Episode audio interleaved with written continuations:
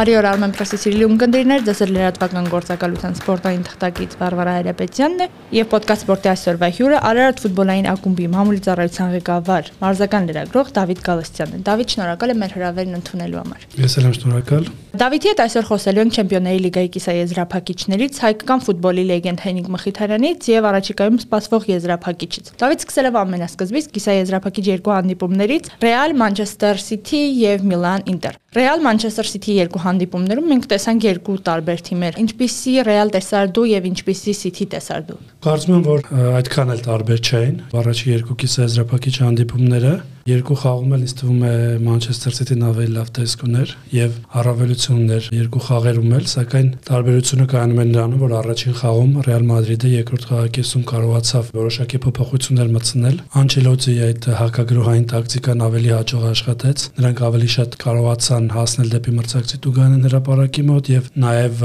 սեփական հարկի այդ գործոնը օգնեց նրանց, որպիսի այդ խաղը ոչ ոքի ավարտեն, բայց ընդհանուր առմամբ ինձ թվում է City-ն առաջին խաղում էլ ուներ առավել առավելություն։ Ճիշտ է Ռեալ Մադրիդը ավելի շատ գոլային պայր ստեղծեց, բայց գնդակին տիրելու առումով, ճշգրիտ փոխանցումների առումով, ընդհանուր այսպես խաղը վերահսկելու առումով City-ն այդտեղ էր գերազանցում։ Իսկ երկրորդ խաղում այդ գերազանցությունը պարզապես բացարձակ էր եւ Manchester City-ն սեփական դաշտում, սեփական խոտածածկի վրա, որը շատ ավելի լավ ներքան Բեռնաբեուինը, շատ ավելի լավ կարողացավ խաղալ իր խաղը, հենց սկզբից մեկնարկից ճնշեց եւ պարզապես կարելի այսպես ասել, որ ոչնչացեց Ռեալ Մադրիդին, ինչպես իր բոլոր մրցակիցներին այս play-off փուլում, դա Լայպցիգն էր, հետո Մյունխենի Բավարիան էր եւ այսպես բոլոր այդ խաղերում այստեղել ուներ շատ մեծ առավելություն եւ կարծում եմ մարդ չկա, որ չհամաձայնվի, որ արժանի էր այդ հաղթանակը։ Դավիթ, այս մակարդակի ակումբային առաջնություններում, մասնավորապես կիսաեզրափակիչներում, ակնհայտ դառնում մարզիչների այսպես արագ կողմնորոշվելը, պահա օգտագործելը կամ այն մեծ սխեման, որոնք իրենք գծում են իրենց ուղեղում։ Արդյոք Անչելոտին, որ այդքան փորձ ուներ, այդքան թիկունքում խաղեր ունի, չկարողացավ գտնել հակախաղը Գվարդիոլայի City-ի դեմ։ Ու փաստային է, որ տեսանք որ չգտավ, եթե նախորդ տարի նրանք կարողացան հաղթել, այսպես ֆանտաստիկ եկյատային հաղթանակներ էին տանում, ինչպես Chelsea-ի նկատմամբ, այնպես էլ Manchester City-ի նկատմամբ, բայց այս տարի չհաջողվեց։ Manchester City-ն կարծում եմ, որ սկսած 2008 թվականից, երբ հսկայական գումարներ են ներդրում այդ ակումբում, նաև հսկայական աշխատանք է կատարվում ամենատարբեր մակարդակներում, սկսած մարշչական, ֆուտբոլիստների ընտրության, սկաուտինգի, բոլոր բոլոր առումներով առումներով եւ կարծում եմ այդ 15 տարվա այդ աշխատանքի այս գագաթնակետն ենք մենք հիմա տեսնում եւ ինչ վերաբերում է մարշչական պայքարին կարծում եմ որ ուղակի City-ն շատ ավելի որպես հասուն կայացած թիմ ներկայացել այս խաղում նրանք նախորդ տարի այդպես անհասկանալի ձևով պարտվեցին դրանից առաջ եզրափակիչում էին հայտնվել Պրեմիեր լիգայում շատ հաջող հանդես գալիս Արսենալը որը շատ լավ ֆուտբոլ էր խաղում City-ն կարողացավ հետ բերել տարբերությունը եւ հիմա առաջին հորիզոնականում է այնպես որ կարծում եմ այդ առավելությունը ոչ միայն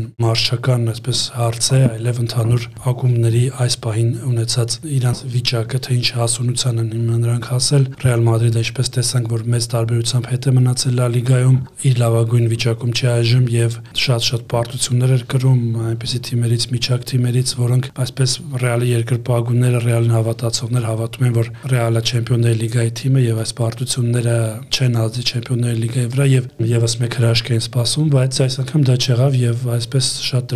դրամաբանական City-ն դուրս եկավ եզրափակիչ։ Կիսա եզրափակիչի մյուս մրցակիցները Միլանն ու Ինտերն էին։ Ի տարբերություն այս խաղի, որտեղ երկու այսպես հին առույցներ էին ճակերտավոր պայքարում իրար հետ, Միլան Ինտեր եւ Ինտեր Միլան խաղերում ակնհայտ էր, որ Ինտերը այսպես մի ոդկա առաջ էին Միլանից։ Ինչ ես կարծում կիսա եզրափակիչը Միլանի համար առավելագույնն էր այս մրցաշրջանում։ Նու կարծում երկու թիմերի համար էլ այդ կիսա եզրափակիչ հասնելը մեծ հաջողություն էր։ Միլանում կա որոշակի առաջընթաց վերջին շրջանում, նրանք մոտենում են այսպես ֆուտբոլային էլիտային, բայց այնտեղ չեն։ Նրանք նույնպես բավական մեծ առաջընթաց ունեն եւ այս կիսաեզրափակիչ հասնելը կարծում նրանց համար նվաճում էր։ Իսկ ինչ վերաբերում է Ինտերին, կարծում եմ ուղղակի նրանց համար այսպես հեքիաթային դասավորվեց այս Չեմպիոնների լիգան, որտեղ մրցաշրջանի մեկնարկից առաջ Ինտերը այսպես ավելի շատ կորուստներ էր ունենում ֆուտբոլիստների, քան ձեռքբերումներ, բայց նրանց մոտ շատ լավ դասավորվեց։ Սկզբում ինձ թվում է շատ քիչերը կարող են կանխատեսել, որտեղ նրանք հայտնվել էին մահվան խմբում, Մյունխենի Բավարիայի եւ Բարսելոնա Բարսելոնայի հետ եւ այդտեղից կարողացան երկրորդ տեղով դուրս գալ։ Առաջին խաղում նրանք պարտվել էին Բավարիային, երկրորդում պետք է խաղային Վիկտորիա Պլզենի հետ եւ այդ ժամանակ նույնիսկ հարցեր թե Պլզենին կախտեն չնախտի, բայց նրանք դուրս եկան այդ դժվարին խմբից եւ հետո էլի լավ մրցակիցներ ունեցան Պորտուն, Բենֆիկան, որոնք բավական ուժեղ համալրված թիմեր են։ Ճիշտ է չես համատի Զամբյուղի մյուս հատվածի հետ, որտեղից Սիթին եկավ եզրափակիչ, հաղթելով Բավարիան Ռեալ Մադրիդին։ Այս առումով մի փոքր Ինտերի բախտը բերել է, բայց ամեն դեպքում նրանք կարողացան այդ ուժեղ մրցակիցների արկելքները հաղթարել եւ հայտնվել կիսաեզրափակիչում։ Դավիթ հայկական ֆուտբոլի լեգենդը չեմ վախենում այդ բառից, արդեն իսկ կարելի է նրան լեգենդ համարել։ Հենրիկ Մխիթարյանը գուցե եւ խաղում է իր կարիերայի ամենասպասված եզրափակիչը, նա Չեմպիոնների լիգայի եզրափակիչում է եւ հուսանք վնասվածքը շատ լուրջ չի լինի, նա կարողանա վերականգնվել։ Ինչպիսի Մխիթարյան ես դու տեսնում հիմա, մարդ ով երկար, երկար ճանապարհ է անցրել, սկսելով Երևանի Փյունիկից հասնելով մինչև, չգիտեմ, Եվրոպայի լիգայի հաղթող, կոնֆերենցիաների լիգայի հաղթող եւ հիմա պահն է հասունացել, որ ուղղակի կարող է մնալ մարդկության պատմության հիշողության մեջ որպես բոլոր գավաթները նվաճած ֆուտբոլիստ։ Ինչպիսի Մխիթարյանն ես դու տեսնում։ Նա կազմ պատրաստ է կարծես տալիս է ամեն ինչ եւ այն ստեղծագործական միտքն ունի, որը պետք է կիսապաշտպանական գծում եւ առաջնագծում։ Ես ուղղակի հիացած եմ նրա խաղով այս մրցաշրջանում։ Եթե անկեղծ ասեմ, երբ նա Պրեմիեր լիգայից հեռանում էր եւ տեղափոխվում էր Ռոմա, ասում եմ ինչպես շատերի, այնպես էլ մոտ տպավորություն կար, որ նրա կարիերան արդեն 30-ից անց է եւ դեպի անկում է գնում գնալով, բայց Ռոմայի կազմում հիանալի ելույթների շնորհիվ նա պայմանագիր հաստատեց Ինտերի հետ, որը ավելի մոտ է այսպես էլիտար եվրոպական ֆուտբոլին, գիտենք որ Ռոման այսպես ավելի շատ Եվրոպա լիգայում հաջողությունների հասնում եւ այն ժամանակ էլ հարցական էր թե որքանով է սա լավ քայլ Ինտեր տեղափոխվել, արդյոք նա կլինի պահեստային թե հիմնական կազմի ֆուտբոլիստ, բայց նա ժամանակի ընթացքում իր ամուր տեղը ամրապնդեց Ինտերի կիսապաշտպանության կենտրոնում, իսկ կիսապաշտպանությունը, ինչպես գիտեք, դա ֆուտբոլային թիմի այսպես ուղեղն է եւ նա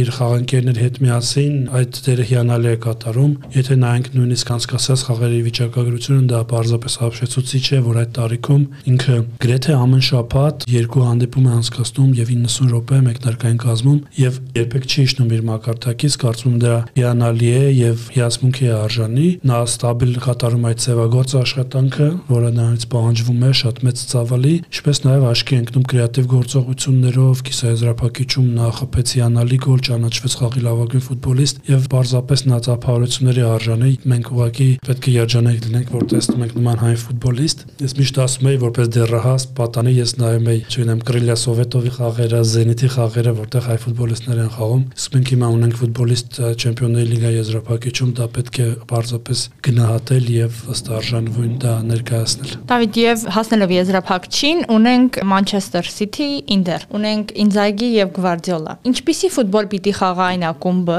որն ուզում է տիրանալ այդ կավաթին եւ արդյոք հենց այս մեկ խաղը, որ որոշիչ է, պետք է նաեւ ցույց տա մարզիչների հանճարեղության ճակերտավոր աստիճանը։ Դե ես կարծում եմ, որ հանդիպման այսպես բացայտ ֆավորիտը Մանչեսթեր Սիթին է, հաշվի առնելով եւ մարշչական գործոնը, եւ կազմի համալրվածության գործոնը, եւ այն փորձը, որոնք նրանք վերջի տարիներին ունեն Չեմպիոնների լիգայում, բայց ինչպես դուք նշեցիք, դա ընդամենը մեկ խաղ է եւ կարելի է մեկ խաղում ցանկացած արդյունք ակնկալել։ Ճիշտ է Չեմպիոնների լիգան սովորաբար ֆավորիտներն են հաղթում եզրափակիչում ավելի շատ եւ անակնկալներ չեն լինում, բայց ամեն դեպքում ինձակին պետք է փորձի հակախաղ գտնել, ինձ թվում է ամուր պաշտպանության միջոցով եւ հակագրողների միջոցով իր շանսը որոնելու գնով։ Ճիշտ է, ես շատ դժվար եմ դա պատկերացնում, որովհետեւ ես տեսել եմ թե ինչ, այսպես ասած, օրն են ընկել Ռեալը, Բավարիան եւ նման մի բան էլ ինձ թվում է ինտերին է սպասվում, բայց ես հուսով եմ, որ ամեն դեպքում Հենրիխ Մխիթարյանի գործը հաշվի առնելով այդպես չի լինի եւ դրանք կարողանան ել գտնել եւ հաղթանակի հասնել։